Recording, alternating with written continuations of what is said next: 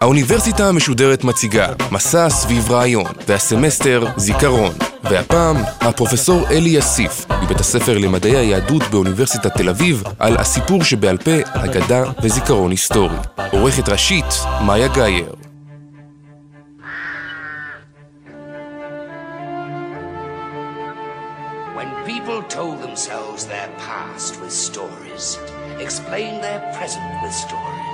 Foretold the future with stories. The best place by the fire was kept for the storyteller.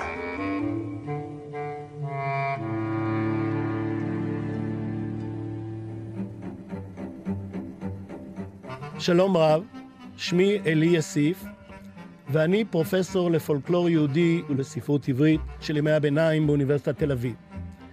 במשך שנים רבות לימדתי את קורס המבוא לאגדה ולספרות העממית, שאחד הנושאים שהועלו בו יוצג בהרצאה שלנו היום.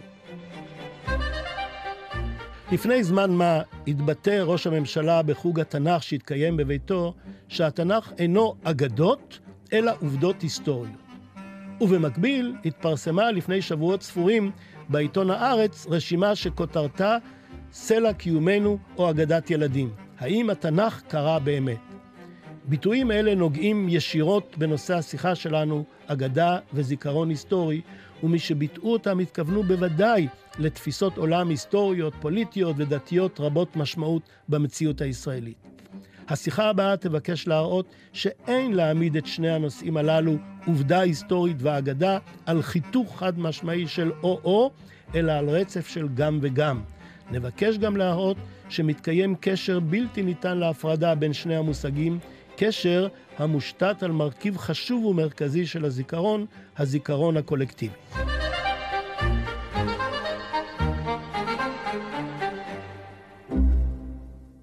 בניגוד לתפיסה המקובלת בקהלים רחבים, שהאגדה היא סיפור בדיוני שאין לו כל אחיזה במציאות או באירועים ההיסטוריים, המצב הוא הפוך ממש. את הבדיון והניתוק מן המציאות יש לייחס לסוגה ספרותית פופולרית אחרת, והיא המעשייה, או ה-fairy tale באנגלית. סיפורים מן הסוג של סינדרלה וכיפה אדומה, שאליהם התכוונה ככל הנראה הרשימה בהארץ, בכותרת אגדת ילדים. אלה הם סיפורים בעלי חשיבות גדולה מבחינות אחרות, חברתיות, חינוכיות, פסיכולוגיות, אבל מנותקים לחלוטין כמעט מן המציאות הממשית. למשל, היו היה אי שם בארץ רחוקה מעבר לשבעת היערות וכיוצא באלה הרבה. לעומתם, האגדה היא בעלת אופי היסטורי ממשי, וקשורה בבסיסה למציאות, לאירועים ההיסטוריים ולאישים שחוללו אותם. כאשר האחים יעקב ווילהלם גרים פרסמו בשנת 1812 את אוסף המעשיות שלהם, שנחשב עד היום לפריצת הדרך החשובה ביותר בתחום הפולקלור וסיפורי העם, הם פרסמו כמה שנים לאחר מכן אוסף מקיף אף יותר של אגדות עם גרמניות, שלדעתם היוו את המסד של הזיכרון התרבותי וההיסטורי של העם הגרמני. האגדה, אם כן, היא סיפור המעוגן היסטורית, בזמן ובמרחב ידוע ומוכר לחברה, ואשר, וכאן המאפיין החשוב אך הבעייתי ביותר, החברה המספרת אותו מאמינה בכך שהוא אכן התקיים במציאות. אמונה זו מבוססת ראשית כל על האוטוריטה של החיבור, או האדם שסיפר את האגדה. כל ספרי הקודש, המקרא, הברית החדשה, הקוראן, הכתבים הבודהיסטיים, משופעים באגדות. כלומר, בסיפורים על העבר שהחברה מאמינה בהם. אמונה זו נובעת כמובן אף מייחוסם של חיבורים אלה לישויות אלוהיות. הגדרתם של הסיפורים על העבר כאגדות אינה טוענת, וכאן אני מבקש להדגיש שסיפורים אלה אינם אמת או שהם כן אמת. תפיסת האמת תלויה בגישתם ובעמדתם של השומעים או הקוראים, ולא באופיו של הסיפור. המאפשר, כפי שאכן התרחש מאז ומעולם, גם לטעון שהם אמת לאמיתה אצל המאמינים, וגם שהם פרי הדמיון אצל בעלי הביקורת. סיפורים כמו אלה על קריעת ים סוף, על לידת הבתולים של ישו, על עלייתו של מוחמד השמיימה על גב סוסו, או על גלגוליו של הבודה, יעידו על כך כאלף עדים.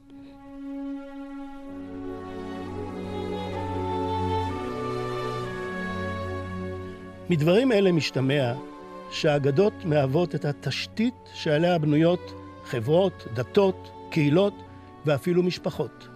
אחד הגורמים החשובים ואולי החשוב ביותר היוצר את התלכיד החברתי בין פרטיה של כל קבוצה חברתית בכל תקופה ומקום, הוא הזיכרון הקולקטיבי המשותף לפרטיה של אותה קבוצת אנשים, אשר הופך אותה ליחידה מזוהה של דת, היסטוריה ותרבות. ומהו אותו זיכרון קולקטיבי? אם לא זיכרונם של אירועים שהתרחשו בעבר הרחוק, לאבותיה של אותה קבוצה חברתית. הגירות, התגלויות אלוהיות, נדודים, מלחמות, ייסוד משפחות, השתלטות על מרחבים גיאוגרפיים וכיוצא באלה. סיפורים על העבר, כלומר אגדות.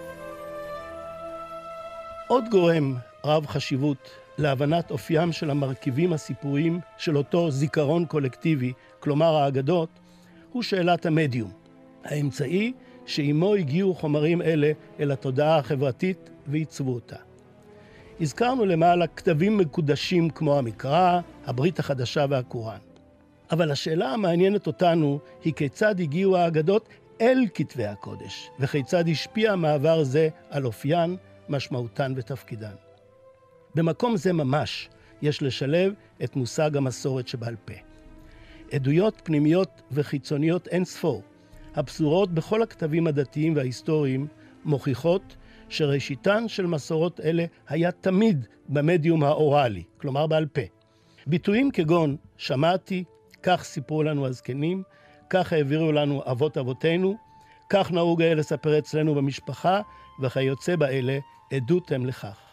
אף מבחינה מעשית קשה לתאר שמי שהיה נוכח במעמד קריאת ים סוף, אם מניחים אנחנו שמשהו כזה באמת יתרחש, התיישב מיד בתום האירוע ועוד לפני הנדודים במדבר וכיבוש כנען, העלה על הכתב דיווח מפורט על האירוע המופלא. מובן מאליו שאירוע כזה, ויהא אופיו אשר יהא, סופר שוב ושוב, דור לאחר דור במשך מאות שנים, עד שזכה לנוסח קנוני והועלה על הכתב. תיאור זה מתחזק אף יותר מעובדת קיומן של חברות אשר הזיכרון הקולקטיבי המצוי אצלן שמור רק בעל פה, ואשר מעולם לא העלו את זיכרונות העבר השבטיים והלאומיים שלהם על הכתב. אלה הן בדרך כלל חברות נוודים מובהקות, כמו החברה הבדואית במזרח התיכון או החברה הצוענית הרומית באירופה. אצלן לא התקיימו תנאים המאפשרים כתיבת ספרים או שמירה עליהם בספריות או ארכיונים. האם העובדה שאין לחברות אלה ספרי היסטוריה מצביעה על כך שאין להם היסטוריה? יש ויש כמובן. אך מיקומו של הזיכרון ההיסטורי הוא אחר מזה שאליו התרגלנו. לא ספר או דוקומנט ארכיוני, אלא מסורת היסטורית שבעל פה.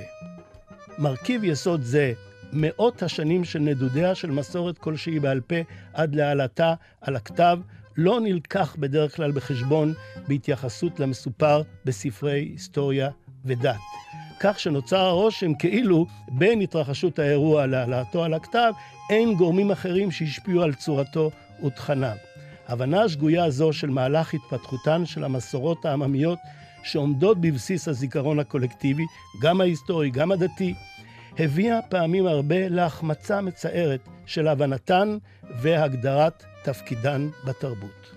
השאלה מה אירע לאותו זיכרון מאז האירוע שעליו הוא מספר ועד להעלאתו על הכתב, בספרים, כפי שהגיע אלינו, הוא שאלה שמחקר הפולקלור ניסה להשיב עליה מאז ראשית המאה ה-20. עבודות שנעשו בקרב איכרים בהונגריה, מחוזות מרוחקים ממרכזי התרבות ברוסיה הגדולה, במחוזות מרוחקים בצרפת ובקרב קהילות דתיות בדרום אמריקה, כדוגמאות, הצביעו על שלושה, ארבעה שלבים עיקריים בהתפתחותן של המסורות האוראליות. ראשון, הוא העדות בגוף ראשון של אנשים שהשתתפו או נכחו באירוע. הם סיפרו אותו בגוף ראשון בבחינת בדידיה ועובדה, כלשון הביטוי הארמי התלמודי. זה קרה לי, אני הייתי שם. הם סיפרו זיכרון אישי זה לבני משפחה, לקהילה או לעדת מאמינים. שלב זה בחקר המסורות האוראליות נקרא ממורט, זיכרון או עדות אישית. לאחר מכן, אנשים ששמעו את סיפורו של האירוע מפי המספר הראשון, מספרים אותו הרי לדור הבא, והפעם בגוף שלישי. כך שמעתי מפי אבי, מפי רב הקהילה, מפי אחד מזקני השבט, וכיוצא באלה. לכן מוכר שלב זה בדרך כלל בשם קרוניקה, או סיפור היסטורי על העבר. שלב זה בהתפתחותה של המסורת הוא הקריטי וגם המורכב ביותר. בעוד יכולים אנו להבין מדוע בן מספר את אשר סיפר לו אביו, ברור פחות מדוע דורות רבים לאחר מכן ממשיכים לספר את סיפורו של מי שהיה עד לאירוע לפני מאות שנים. התשובה לכך יכולה להיות רק אחת, כי הסיפור הזה מן העבר הרחוק חשוב להם וממלא תפקיד בחייהם של המספרים אותו כעת. בדרך כלל, סיפור אינו יכול להשתמר במשך מאות שנים רק כיוון שהוא משעשע או מבדר, בבחינת אספר לכם סיפור נחמד, אלא בעיקר ואולי רק כיוון שהוא בעל משמעות בחייהם ותפיסת עולמם גם של המספרים וגם של שומעי הסיפור.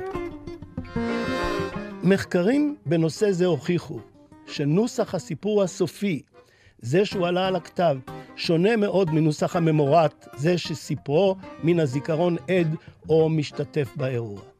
במהלך השנים הרבות שבהן מתגלגלת המסורת הסיפורית, מקיימים המספרים התאמות אל תקופתם, אל אינטרסים חברתיים או מגמות רעיוניות שרווחו בזמנם או שהיו חשובים להם. כן שולבו בה לא מעט מוטיבים עממיים, מוכרים לקהל בתקופה זו, אם כדי להעצים את רושמם של האירועים שהיא מספרת, או להפוך את הסיפור למעניין יותר ואמין יותר. כדי לראות את התמונה על כל מורכבותה, עלינו לזכור גם את אפקט רשומון. הרי באותו אירוע שהאגדה מספרת עליו, השתתפו יותר מאשר אדם אחד. ובוודאי שלא היה הוא היחיד שסיפר את סיפורו של האירוע החשוב והמזעזע שהוא חווה. אבל נוכחים שונים העידו וסיפרו סיפורים שונים על אותו אירוע, כיוון שנקודת המבט שלהם הייתה אחרת. כך התפתחו מסורות שונות זו מזו של אותו אירוע ממש. עניין זה, קיומן של נוסחאות שונות המספרות אותו סיפור, הוא בסיסו ומהותו של הפולקלור. אם עד עתה דיברנו על העל, הגיע זמנו של העט. האגדה על יציאתו של רבן יוחנן בן זכאי מירושלים הנצורה בתקופת המרד הגדול בשנת 69 לספירה, יכולה להדגים באופן ברור ומשכנע את דברי המבוא הכלליים שהצגתי עד עכשיו. אגדה זו מצויה בנוסחים מקיפים בתלמוד הבבלי ובמדרשים, כמו אבות דרבי נתן והמדרש על ספר איכה. חיבורים אלה התגבשו במאות השלישית, הרביעית, החמישית, ושלושתם מקובלים במסורת היהודית מימים ימימה כספרים סמכותיים ומקודשים. לא נוכל לקרוא את ההגדה בשלמותה בגלל אורכה רב יחסית, שהיא בין הטקסטים הסיפוריים הארוכים ביותר שהגיעו אלינו בספרות חז"ל. בנוסחיה הידועים יותר, היא סופרה בכלל בחיבורים אלה בשפה הארמית, השפה המדוברת באותה תקופה. אספר בקיצור רב את ההגדה.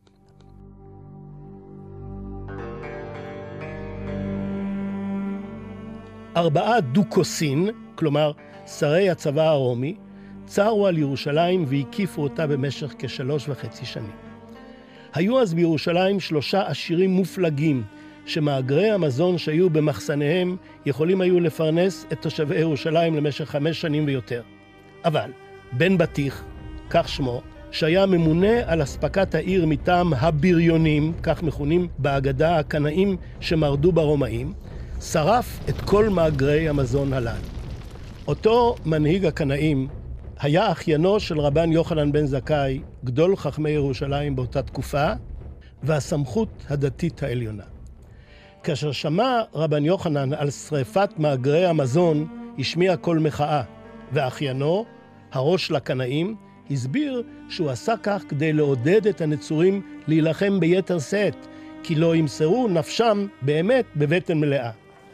כאשר סייר רבן יוחנן ברחובות העיר וראה שאנשים סוחטים תבן כדי להוציא ממנו מים, כדי כך היה נורא המחסור, הבין שאין עתיד לעיר, והיא תיפול במהרה לידי הצבא הרומי הצר עליה, והחליט לצאת מן העיר.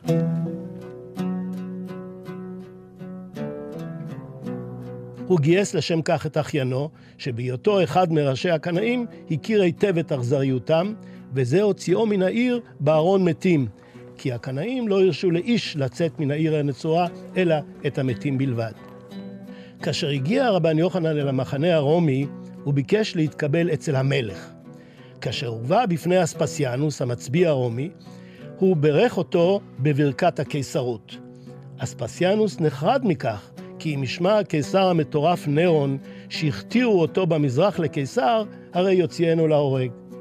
רבן יוחנן הסביר שירושלים עתידה ליפול בידיו, וכיוון שכתוב והלבנון באדיר ייפול מתוך ישעיהו, העיר תיפול רק לפני אדיר, כלומר השליט העליון, הוא הקיסר, ולכן הוא בוודאי עומד להתמנות לקיסר. אספסיאנוס מעמיד את רבן יוחנן בעוד שני מבחנים, שהוא פותר בחוכמה אלוהית המבוססת על הידע הכביר שלו בתורה ועל יכולתו ליישם אותה על המציאות. לאחר זמן, משמת נירון, אכן מוכתר אספסיאנוס לקיסר האימפריה הרומית. לפני ההסתערות הסופית על העיר, מתקיימת מעין ישיבת מטכ"ל של ארבעת שרי הצבא, שבה משתתף גם רבן יוחנן בן זכאי. כנראה כמי שיצא זה עתה מן העיר, ולכן בקיא במתרחש בה. נשאלת שם שאלה בעלת השלכות אסטרטגיות חשובות, אבל המוצגת בצורת משל, כנראה על ידי הקיסר עצמו. כאשר בחבית או במגדל מקנן נחש, כיצד מוציאים אותו משם? רבן יוחנן מציע להוציא את הנחש מן המבנה בעורמה, ואז להרוג אותו, וכך להציל את החבית ואת המגדל. כי מדוע להרוס בית שלם רק בגלל יצור מסוכן ששורץ בתוכו? אחד הדוכסים, העוין את היהודים, בכמה נוסחים זהו השר של הפרובינקיה הערבית, מתנגד וטוען שיש לשרוף את החבית והמגדל, כי רק כך יחוסל הנחש, כנראה בלא שיסכן את מי שינסה להוציאו משם בדרך אחרת. כאשר רבן יוחנן מתקומם על העצה הרעה, תשובת אותו דוכס עוין היא שכל עוד שבית המקדש קיים, ימשיכו הרי המלכויות להתגרות ביהודים ולפגוע בהם. הוא התכוון לטענתו רק לטובה, ורבן יוחנן השיב לו על כך באמצעות פתגם קולע. הלב יודע אם לעכל, אם לעקלקלות. כלומר, אתה ואני יודעים שהתכוונת להרע עמנו, לא להיטיב.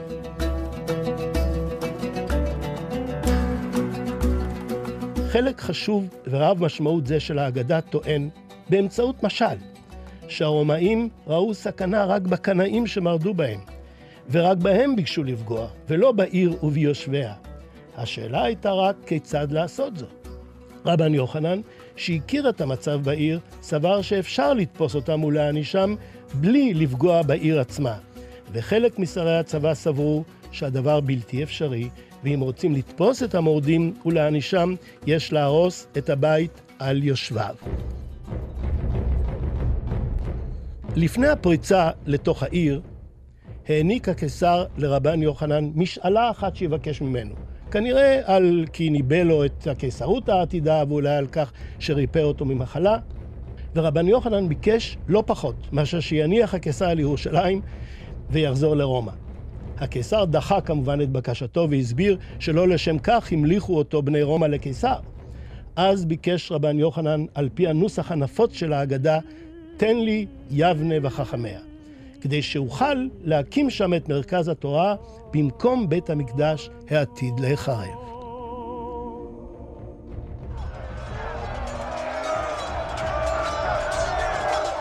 לאחר כיבוש העיר, הקצה הקיסר פאה אחת של הר הבית לכל אחד מארבעת שרי הצבא, כדי שיהרסו אותו צד של העיר שעליו הם מופקדים.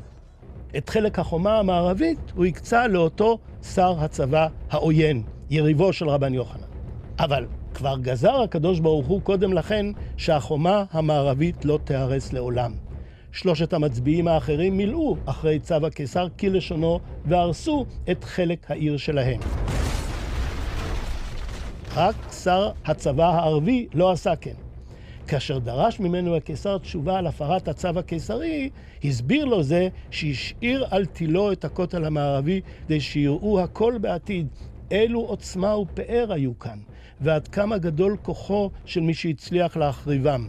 הקיסר הסכים עמו, אבל גזר עליו שיפיל עצמו מראש החומה. אם יחיה, יוענקו לו חייו, ואם ימות, הרי עונשו מוצדק.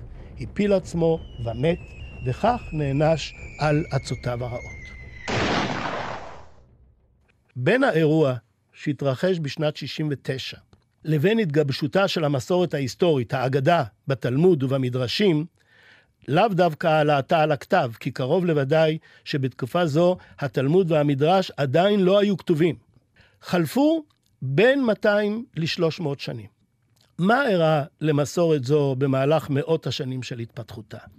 מה היה אופיו העובדתי של האירוע שהתרחש? זו שאלה המעניינת בעיקר היסטוריונים. את הקשיים שבפניהם עומדים היסטוריונים המנסים לחלץ מתוך אגדה מורכבת זו את האמת העובדתית, אפשר רק לתאר.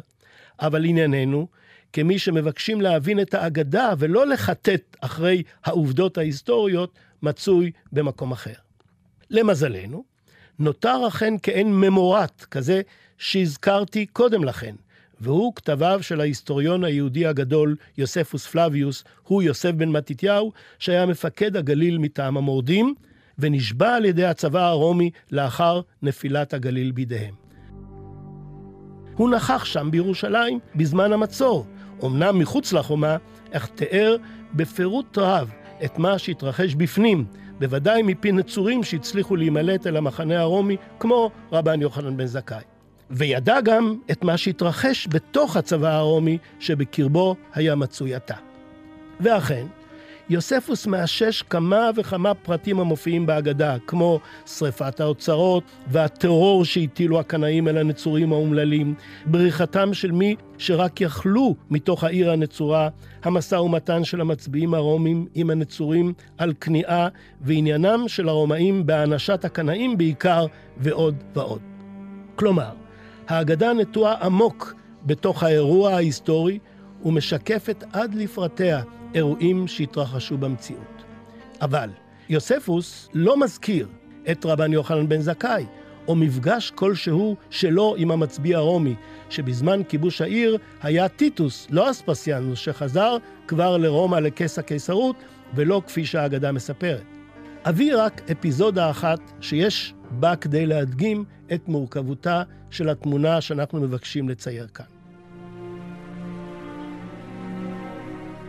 יוספוס מספר שלאחר שהוא עצמו נפל בידי הרומאים בקרב הגליל האחרון והביאוהו בפני אספסיאנוס, הוא, יוספוס, בישר לו כבר אז שהוא עתיד להתמנות לקיסר. יוספוס טען כך לא על סמך פירוש אקטואלי של פסוק מקראי, כפי שעשה רבן יוחנן בן זכאי, אלא על פי ניתוח והבנה מעמיקים של הפוליטיקה הרומית. כלומר, ליוספוס ולרבן יוחנן מיוחס אותו מעשה. שניהם חזו למצביא הרומי את הקיסרות העתידה. לכך יש להוסיף שבפולקלור הבינלאומי מוכר היטב המוטיב של נבואה לגיבור על עלייה לגדולה ומלכות עתידה, מוטיב נפוץ מאוד בתרבויות ובחברות רבות ומתועד היטב במפתחות המוטיבים של הפולקלור הבינלאומי. רק טבעי, אם כן להניח, שבמהלך התפתחותה של מסורת ההגדה במשך למעלה מ-200 שנה, מן הממורת אל נוסח ההגדה המגובש שסיפרתי, אכן נוסף לה מוטיב פולקלורי ידוע ונפוץ, בצידם של מוטיבים פולקלוריים ידועים אחרים. אבל התמונה הופכת מורכבת יותר, כאשר ניכר בחשבון מחקר חשוב של פרופסור אברהם שליט המנוח, הביוגרף של הורדוס, שגילה במסמכים רומיים שעסקו בעלייתו של אספסיאנוס לכס הקיסרות, שהוא היה מכור עד מאוד לאמונות על-טבעיות, מה שקרוי בלשון היומיום אמונות טפלות. על פי עדויות אלה נהג אספסיאנוס להזמין למפקדתו מגידי עתידות, מכשפים, חכמים מקומיים, שהיו ידועים כבעלי כוחות מיסטיים, והוא נהג לשאול אותם באובססיביות, האם יבחרו בו בני רומי לקיסר. כלומר, אפשר בהחלט ששאלה כזאת הוא הפנה בין השאר גם ליוספוס וגם לרבן יוחנן, שהיו ידועים הרי כחכמי היהודים. עם זאת, השאלה המעניינת והחשובה באמת איננה מה בהגדה הזו הן עובדות היסטוריות, מה שאחד העם קרא עדות ארכיאולוגית, ומה בתוכה בדיון פולקלורי. מה שחשוב כאן באמת הוא מה ביקשה אגדה הזו לומר לא בזמן החורבן, אז היא לא הייתה קיימת בכלל, אלא במאה השלישית ואילך, כאשר היא הגיעה לכדי גיבוש ספרותי כזיכרון קולקטיבי. אפשר לחלק את הדיון בשאלה הזו לפי שלושת הסוגים העיקריים של האגדה: אגדת הקדושים, אגדת המקום והאגדה ההיסטורית. נפרט. ראשית, האגדה על יציאתו של רבן יוחנן בן זכאי מירושלים היא אגדת קדושים מובהקת. במרכזה עומד מנהיג דתי, כזה שמשתמש ביכולותיו העל-אנושיות, שליטה בחוכמה עליונה, כדי להציל את עירו ואת עמו. כך באה לידי ביטוי ברור בהגדה זו ההכרה במעמדם המרכזי, שאין לו תחליף, של חכמי התורה בהנהגה הלאומית. לא לוחמים ולא מנהיגים פוליטיים, אלא חכמי התורה. נוסף לכך, זוהי אגדת מקום מובהקת. היא מתרחשת בירושלים ברגע הקריטי ביותר בתולדותיה. היא מסבירה את הישרדותו המופלאה של הכותל המערבי. בעת ובעונה אחת מקדמת האגדה את הנושא החשוב ביותר לדורות הבאים. הקמתו של מרכז התורה ביבנה כתחליף ויורש של בית המקדש, ויצירת מוקד חדש של פולחן ומרחב לאומי. בעיקר מבליט נושא זה את התמורה הגדולה ואפילו המהפכנית שעברה היהדות מדת של קורבנות לדת של תורה. ושלישית, האגדה על יציאתו של רבן יוחנן מירושלים היא קודם וראשית לכל אגדה היסטורית. היא מתארת אירוע היסטורי משמעותי, אולי המשמעותי ביותר בחיי האומה, חורבן הבית וראשיתה של הגלות שהפכה לגורם המרכזי ביותר בהיסטוריה היהודית. זהו הסבר אחד לחשיבותה ולתפקידה של האגדה, אבל אולי לא החשוב ביותר, וכוחה של אגדה זו טמון כנראה במקום אחר. מסורת אגדית זו התגבשה ונפוצה הרי לאחר מרד בר כוכבא, כלומר לאחר שתי מרידות כושלות והרות אסון באימפריה הרומית. בעת הזאת התגבשה כבר ההכרה המלאה, שהייתה קיימת כמובן עוד קודם לכן, שהבחירה בכוח עלולה להוביל שוב לאסון ולחורבן נורא, כפי שהתרחש בחורבן הבית ובהרס הקשה שלאחר מרד בר כוכבא. ולכן, אני מצטט, איזה הוא גיבור? הכובש את יצרו. כפי שאומרת לנו מסכת אבות, אף היא מתקופה זו ממש. לא עוד גבורת החרב והמלחמה, אלא יתרון הרוח וכוח הרצון. מי אם לא רבן יוחנן בן זכאי העומד במרכזה של ההגדה שקראנו, מתאים לאמירה רבת משמעות זו. הוא ביציאתו מרשותם של הקנאים, בחיפושו אחרי פתרון רוחני לקיום היהודי בתוך המציאות האלימה שחוללו הרומאים והקנאים גם יחד. הוא הסמן המוביל מעתה את ההיסטוריה היהודית. זהו המסר הברור והעיקרי של אגדה זו ושל הזיכרון ההיסטורי שעיצבה, בין החשובים ביותר בהיסטוריה היהודית, שהשלכותיו גם היום ברורות לנו לחלוטין.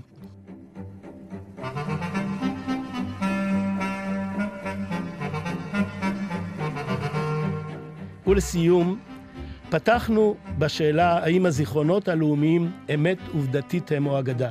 וסיימנו בכך שזו אינה השאלה החשובה באמת. מעתה יש לשאול מה אגדות אלה ביקשו לומר לנו ולאיזו דרך ביקשו הן לכוון את חיינו, הן הפרטיים והן הלאומיים.